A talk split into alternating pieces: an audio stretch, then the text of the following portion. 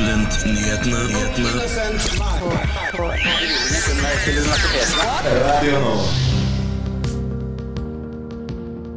Velkommen til eh, Studentnyhetene på Radio Nova. Mitt navn er Marius Stenberg, og med meg har jeg Anna Oftedal. som særkik. Og eh, denne uken ble det årlige studiebarometeret lagt fram. Tallene baserer seg på spørreundersøkelser besvart av studenter over hele landet og ment å gi et inntrykk av kvalitet på høyere utdanning. Vi har med oss bl.a. NOKUTs analysedirektør. Hva tenker studenter om å ty til hjelpemidler for å prestere bedre på skolen? Vi har dratt til Blindern og snakka med studenter om dette. Studenter og unge blir nekta innreise til det okkuperte Vest-Sahara, og vi har med oss en av de som var der. Streifer, også innom rektorvalget, politikkprat, men først skal vi høre Airpop med låta 'Kill Me'.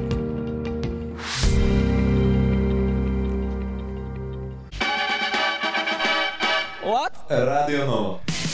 Årets studiebarometer er klart. Universitetsavisa konkluderte med at det er lite nytt å melde, men legger bl.a. til internasjonaliseringa er et punkt hvor studentene er særskilt misfornøyde. Med oss på telefonen har vi NOKUTs analysedirektør Ole Jakob Skodvin. Hei til deg. Hei, hei. Til å begynne med, eh, er du enig i at det ikke er noen spesielle funn, verken opp eller ned, når man ser på hvor fornøyde studentene er ved de ulike studiestedene?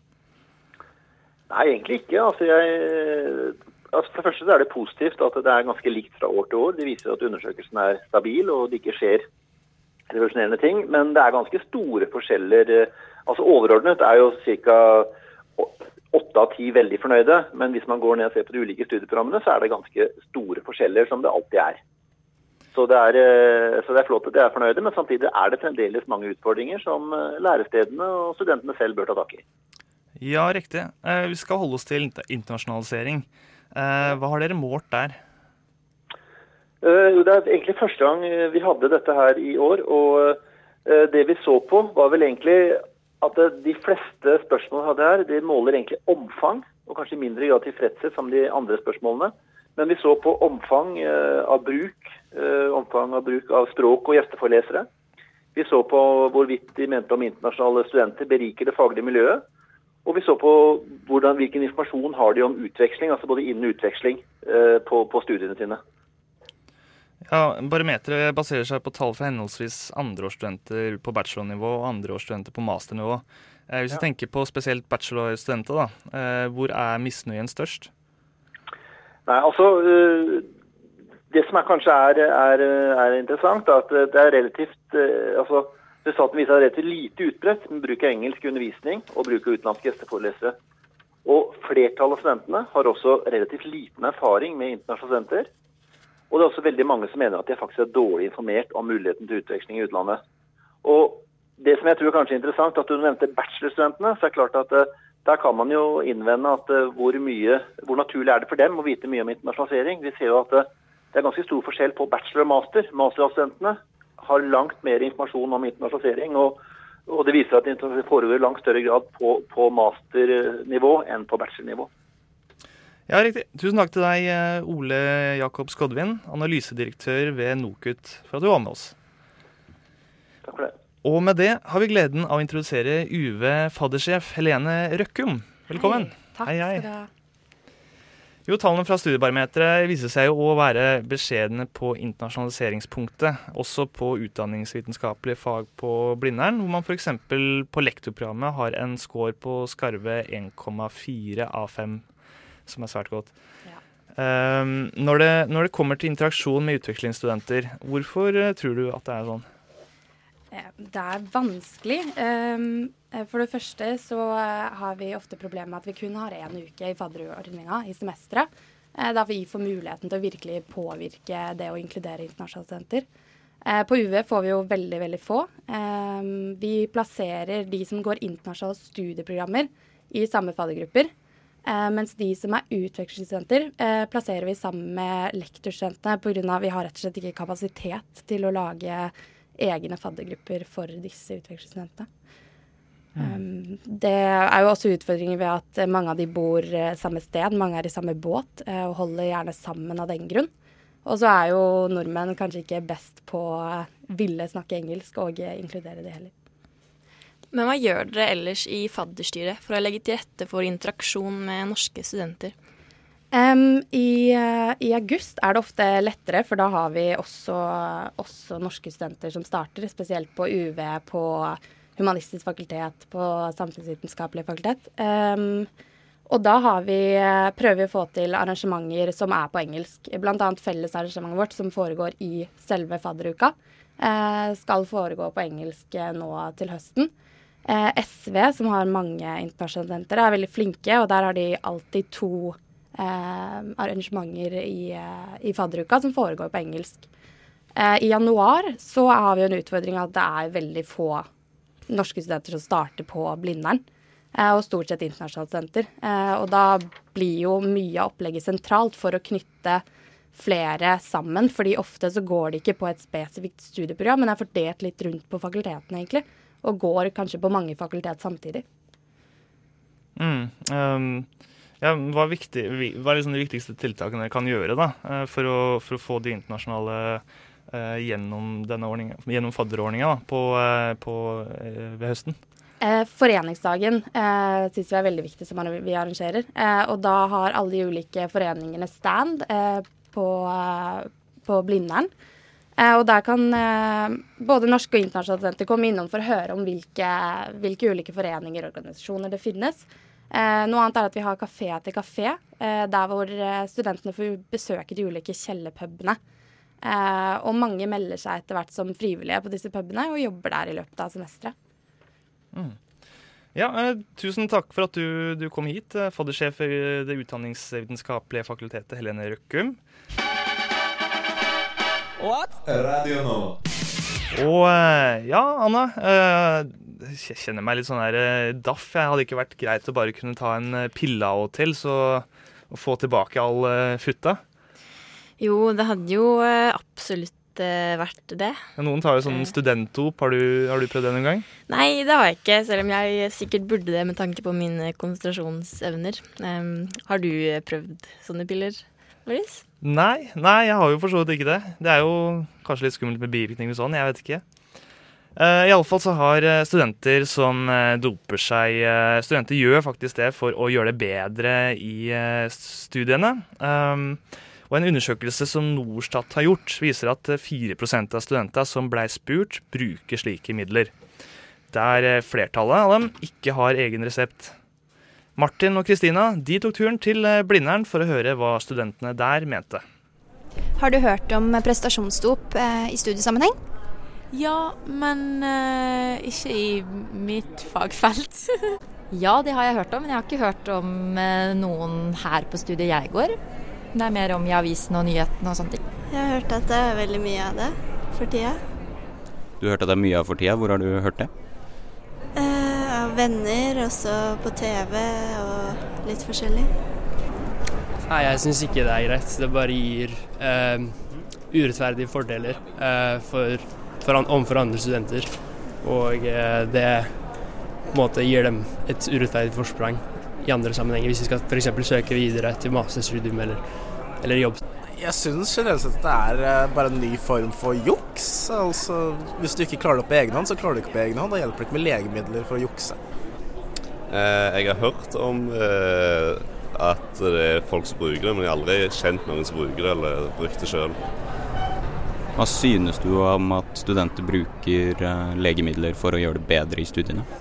Nei, det høres jo ut som en dårlig plan på lang sikt. Uh, og uh, ja, det, jeg kan forstå det kanskje i veldig karakter uh, sånn, I studier med veldig mye karakterpress, da, sånn som i juss. Men jeg vil jo tro at det vil påvirke deg andre måter veldig negativt, som igjen fører til at, du, at det går utover jobbmuligheter og diverse seinere. Nei, Jeg syns det er veldig trist at det er et slikt press at man føler man presterer bedre enn man klarer uten dop, da. Jeg syns det er veldig synd, både for eh, dem selv, at de ikke føler at de er flinke nok. Ja, altså Det er juks, rett og slett. Altså Klarer du ikke svare på eksamen eller lese uten dop, så klarer du ikke lese. Det er akkurat det samme som om du prøver det i sporten. Da bør du bli straffa for det. Men jeg lurer på, hvis du får vite at eh, dine medstudenter på kullet, at veldig mange doper seg, hadde du følt et press på å dope deg selv for å kunne prestere like bra? Nei. Vet du om noen uh, som du kjenner eller i din omgangskrets eller på ditt studie som uh, bruker noe sånt? Nei, jeg tror ikke folk er så veldig åpne om det. Jeg hadde ikke blitt overraska hvis det var det, men jeg kan ikke si at jeg vet nøyaktig om det. Har du hørt uh, Kan du noen navn av disse forskjellige medikamentene studenter bruker? Nei, jeg kan vel egentlig ikke det, men det er vel noe ADHD-medisiner. Nei, det er jo nå i dagens samfunn at man skal prestere på alle mulige områder, så jeg vet ikke. Det Nei, egentlig ikke. Kanskje sånn ADHD-medisin og sånn. Men det, ja. Vet du om det er mange av dine medstudenter som driver med det? Nei, men jeg hadde ikke blitt overrasket.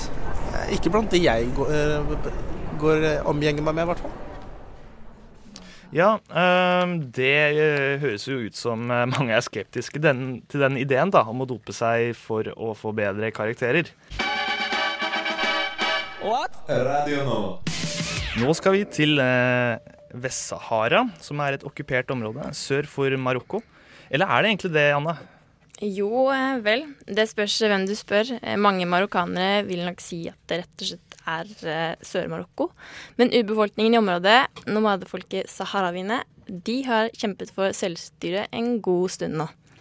Ja, Hvert år drar også delegater fra forskjellige ungdomsorganisasjoner ned i området for å belyse konflikten. Og de siste åra har det ikke alltid vært like lett. Vi skal snart snakke med en student som prøvde å komme inn i landet, men først skal vi høre hva som skjedde da de sto på grensa. Can eat and look for a mechanic and business. Okay, I, I hear what you're saying. Can you just please answer my question? I have not answered for your questions. No answers. No answers. So it's forbidden for Forbidden. us. Yes. Only for us. For us. Because I don't know. so the people driving by can go, but not us. Ja, Karoline Makri, du var jo eh, blant eh, dem som reiste ned nå i vinter. Kan du beskrive hva som skjedde der? Um, vi, sto på, altså, vi sto 500 km fra grensen til Vest-Sahara. Ja, vi sto eh, 500 km fra grensen til Vest-Sahara. Så vi var ganske langt inne i Marokko. Og likevel så fikk vi ikke lov til å reise lenger sør. Fordi det hadde fått med seg at nordmenn reiser ned til eh, Marokko og prøver å reise inn i Vest-Sahara. Um, for å Egentlig mest for å vise at det ikke går, men uh, så er det også for å se om det er noe brudd på menneskerettigheter, og faktisk kunne rapportere om det. Men uh, ja, så vi ble stoppet, da. uh, og så fikk ikke vi lov til å reise videre. Mens alle andre som ikke er nordmenn eller svensker, da, det er en eller annen ting med det, får lov til å reise videre inn som regel. Og dere, dere, dere så andre biler passere grensa. Hvorfor slipper ikke norske ungdommer gjennom inn til Vest-Sahara? Ja, det er som sagt det at eh, de vet at eh, det er en Altså at vi handler i en solidarisk handling da, for å vise at vi støtter dem. Eh, og så er det også det at eh, vi ønsker å rapportere om eventuelle brudd da, på menneskerettigheter. Um, og det ønsker jo ikke de at jeg skal komme videre ut. Ja, Dere hadde også en dekkhistorie. Hva var det? Eh, vi var surfere, eh, så vi skulle inn til Dakla, som er en ganske kjent eh, surfedestinasjon.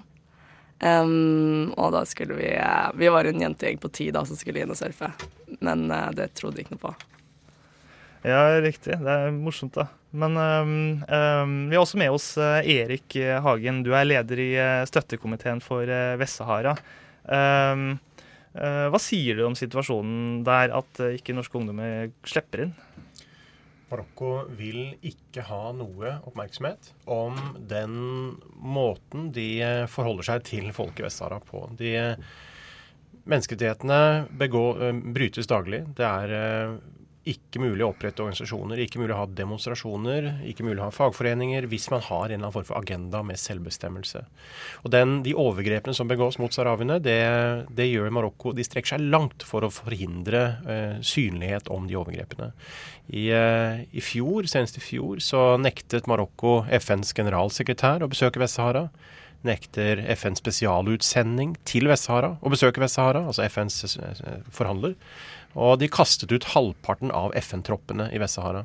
Så de, de driver en total eh, isolasjon av dette territoriet, og kaster også da ut eh, nordmenn på tur. Mm. Uh, ja, det er ganske, de er ganske tydelige, iallfall. Men øh, hvordan øh, for, for, oss som ikke liksom skjønner helt liksom, Hva er egentlig problemet der? hva er situasjonen? Kan du bare forklare det liksom, i korte trekk? Altså, territoriet, omtrent på størrelse med Norge, defineres av FN som et uløst kolonispørsmål. Grensene er veldig tydelige. Det er et annet territorium enn Marokko. Det har ingenting med Marokko å gjøre. Internasjonal domstol i Haag sier dette har ikke noe med Marokko å gjøre.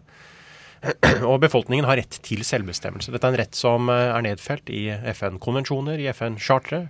Folket har rett til selvbestemmelse i Vest-Sahara, og det betyr i denne avkoloniseringstradisjonen at de skal få mulighet til å være fritt hvis de ønsker å være fritt. Og det valget, den muligheten, har ikke Vest-Saharas folk fått muligheten til å, til å delta i. det. Og hvorfor tviholder Marokko på Vest-Sahara?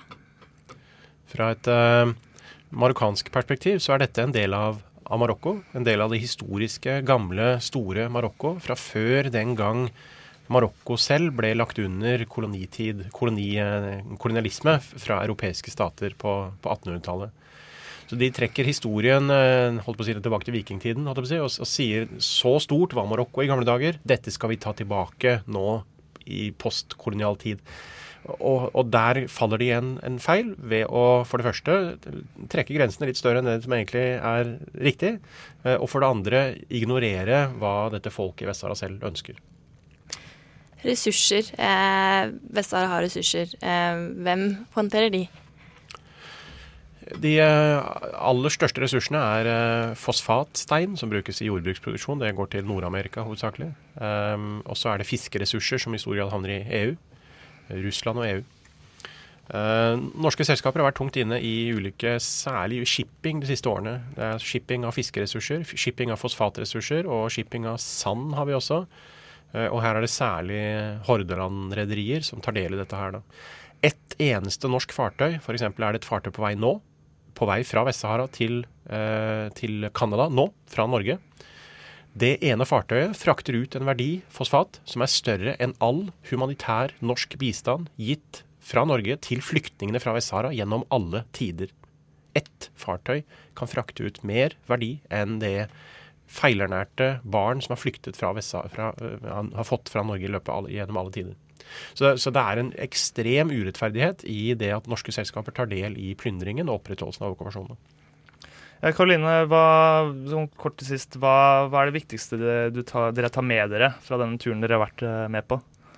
Um, det var egentlig å se forskjellene på hvordan uh, de behandles. da. Uh, vi var jo også inne i en rettssak, um, og der var det veldig tydelig skille på at uh, de fra Vest-Sahara ble behandlet annerledes. De fikk f.eks. ikke lov til å komme inn i rettssaken aller først, de ble kastet ut. Um, og så var det etter protester at de igjen fikk lov til å være der, mens marokkanere bare slapp inn. Så ja, det er det et tydelig skille eh, på at eh, det er forskjell mellom de to befolkningene.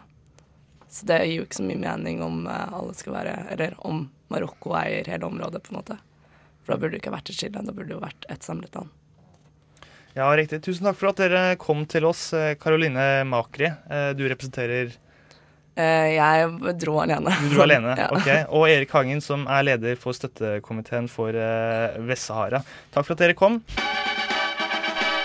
What? Radio nå. Nå er det duka for ukens eh, studentpolitikermøte. Og vi er så heldige å ha besøk av UiO studentpolitikere. Marius fra Fran Linus Hillestad, leder for Sosialdemokratene. Eh, Frans, men ja. jeg skrev feil. Frans. OK, det er greit. Det er lov. og, eh, og Markus Pettersen Irgens fra Liberaliste. Velkommen, gutter. Tusen takk. Takk. Og eh, dere har jo en travel hverdag som studentpolitikere og greide å snike dere unna den og komme hit til oss. Men eh, hvor mye tid tar egentlig studentpolitikken? Uh, det, det, er litt hva man legger selv i det. Uh, jeg tok på meg litt for mange verv forrige semester, så det tok veldig mye tid. Men jeg har begynt å kutte bitte litt ned nå. Eh, så nå tar det ikke hele tiden min. Det er jo gjerne sånn at man uh, blir sånn styregrossist som tar på seg så mange verv som mulig, og så skjønner man at det går dårlig, og så kutter man ned til en fornuftig arbeidsmengde. Så et par timer i uken, og så møter studentparlamentet, som tar litt tid. Mm. Ja. Det har jo alltid skjedd en eh, god del saker i løpet av uka, og et tema som nylig ble tatt opp igjen i NRK-programmet Innafor, er eh, smartdop, som vi hadde om tidligere i sendinga. Eh, Det er dop som gjør at man presterer bedre som student. Hva er deres tanker om sånn her doping? Jeg, jeg er utrolig delt i hele den greien her. For at jeg Og nå tykker typisk at han fra Liberalist sitter og skal være rusliberal, men det er Jeg tenker at man drikker på en måte kaffe, og man booster jo seg sjøl på ganske mange måter. Og, så det er jo naturlig at dersom det hadde eksistert på en måte trygge, lovlige rusmidler som gjorde at du kunne eh, Eller eh, ytelsesmidler da, istedenfor nytelsesmidler, eh, så hadde det vært naturlig at man brukte det. Men vi vet jo på en måte ingenting om hvordan disse, disse rusmidlene funker på lang sikt. Hvordan de, eh, hvordan de påvirker kroppen og hjernen hvis man tar det for mye. Så det er dumt at man driver på en måte eksperimenterer med seg sjøl. Men selvfølgelig dersom det hadde eksistert noe som var trygt, vi visste at det ikke hadde negative konsekvenser, så synes jeg det er rart om man skal si sånn Å, dette, dette er skummelt og etisk eh, ikke forsvarlig. Hvis det, hvis det er bra for kroppen å gjøre deg i stand til å studere bedre, f.eks. Um, der er jeg egentlig ganske enig med deg. Uh, altså det er skummelt å liksom dope seg selv til å bli smartere. For hva skjer da hvis du slutter å ta eh, Jeg antar det er snakk om modafinil, tror jeg det heter. Ja, ja. Eh, altså hva, da, nei, hva skjer da når du slutter med det? Altså Blir du dum, rett og slett? Eller altså, føler du deg dummere? At du ikke klarer å gjøre like mye?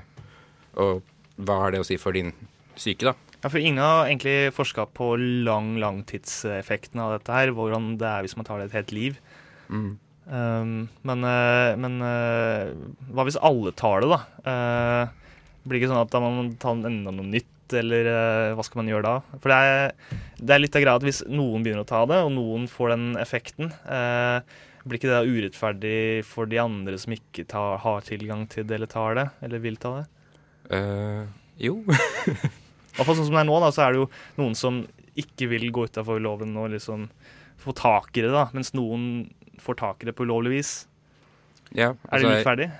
Jeg er jo mot lovbrudd. Eh, Ja, ja. Det er fint, det. Eh, og altså, modafinil er jo i reseptklasse A, som er eh, sterk narkotikum. Eh, så det er jo imot loven å få tak i det på ulovlig Eller ikke på reseptvis. Så eh, det er jo dumt. Jeg vet ikke.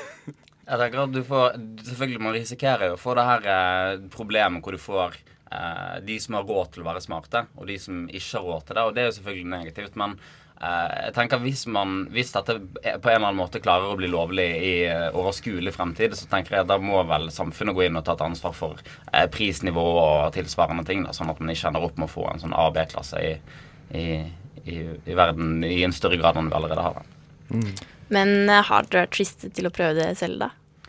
Nei, Uh, jeg, men jeg, jeg må si at etter jeg så det her eh, programmet, da, så ble jeg litt overrasket over hvor, eh, hvor normalt at angivelig. Jeg fikk, en, jeg fikk en tekstmelding før eksamen i, i år hvor det var sånn Du, Markus Jeg skal ikke stikke meg off, men det var sånn Markus, du, du, eh, du er jo sikkert en sånn fyr som vet hvor du kan få tak i Ritalin på UiO. Jeg var sånn Hæ?! Blir jeg spurt om dette? Det er ikke det du vil høre. Nei, jeg sånn uh, Nei, det vet jeg ikke, men uh, er dette normalt, tenkte jeg. Og så fant jeg ut at det er jo tydeligvis ganske normalt da, å drive med Eller ganske og ganske. Det er jo flere folk som gjør det. Så nei, jeg, eh, jeg ble overrasket over at det faktisk var en ting. Jeg, for å være. Mm. Ja, dere blir med videre. eh, og etterpå skal det handle om stu- studiebarometeret, som vi også var inne på tidligere i sendinga. Radio nå. Det var Acrylics med All of the Fire. Og eh, Marius Frans Linus Hillestad, leder for Sosialdemokratene, og Markus Pettersen Irgens fra Liberalliste. Dere er fortsatt her. Og eh, nå skal vi prate litt om studiebarometeret, for det ble jo lagt fram denne uka. Har dere kikka noe på det som eh, ble lagt fram? Ja, det er jo eh, Det er jo ikke så, eh, så fryktelig overraskende veldig mye av det. da. Det sier veldig mye det samme som, som det pleier å gjøre. Studentene er helt middels fornøyd og studerer helt middels mye. Og uh, er helt middels motivert og det er liksom Det er litt sånn Det er veldig Det er litt kjedelig, da. Det er litt kjedelige resultater, egentlig. Syns jeg. Jeg fant dere ingenting som var noe eh, bemerkelsesverdig i det hele tatt? Altså, det som er nytt av i år, er at du tok med digitalisering. Eh, hvor man merket at eh, studentene syns ikke at digitalisering stort sett økte um, Å, hva er ordet? Um, jeg glemte ordet for det. Um, At de ikke er effektive, liksom? Ja. At det ikke økte kvaliteten på studiet. Ja. Uh, men det har man jo lest, eller jeg har i hvert fall lest i Krono, da, at det sikkert er fordi um, man er så vant med teknologi fra før at det er en veldig stor del av hverdagen, og at det ikke har vært det i studiene. Så man forventer liksom at det er et minimumskrav, da, og det har blitt innført. Så det er ikke noe sånn uh, Det må implementeres mye mer inn i studiene og samarbeide med professorer og sånt.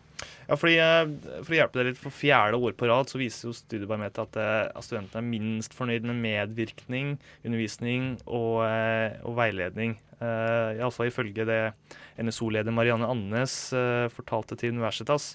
Uh, hvordan kan man bli flinkere på disse tinga? Det er bare til å sette i gang med å involvere studentene mer. Uh, jeg tror For meg så virker det sånn Nå, nå er min erfaring fra UiO, ikke sant, som kanskje eh, Som har lite programfokus eh, på den måten. Men eh, for min del så virker det som de fleste foreleserne synes det holder med eh, å møte opp, prate litt foran en haug med studenter, og så gå og så la studentene på en måte jobbe sjøl. Og hvis man skal klare å få flinkere, mer motiverte studenter, så er man nødt til å gjøre akkurat det. Man er nødt til å involvere studentene. Og det, det skjer jo ikke. Og så er spørsmålet om man har tid til det, da. For det er jo vanskelig å være heltidsstudent uh, i Norge.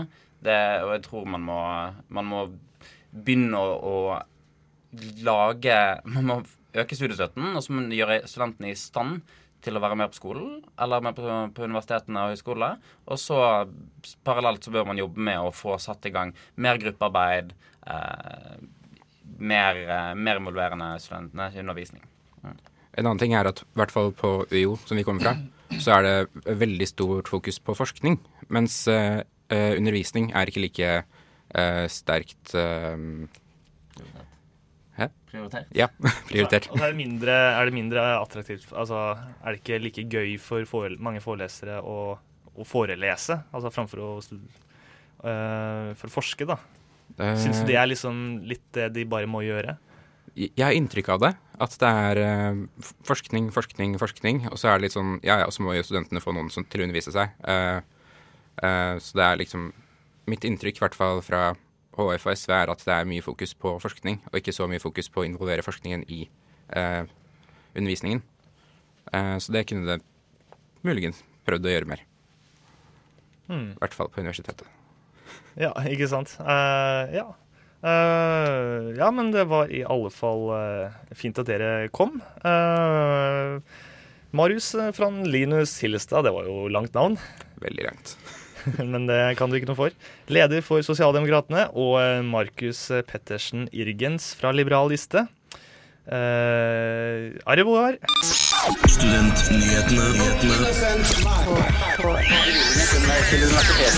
Radio Nova.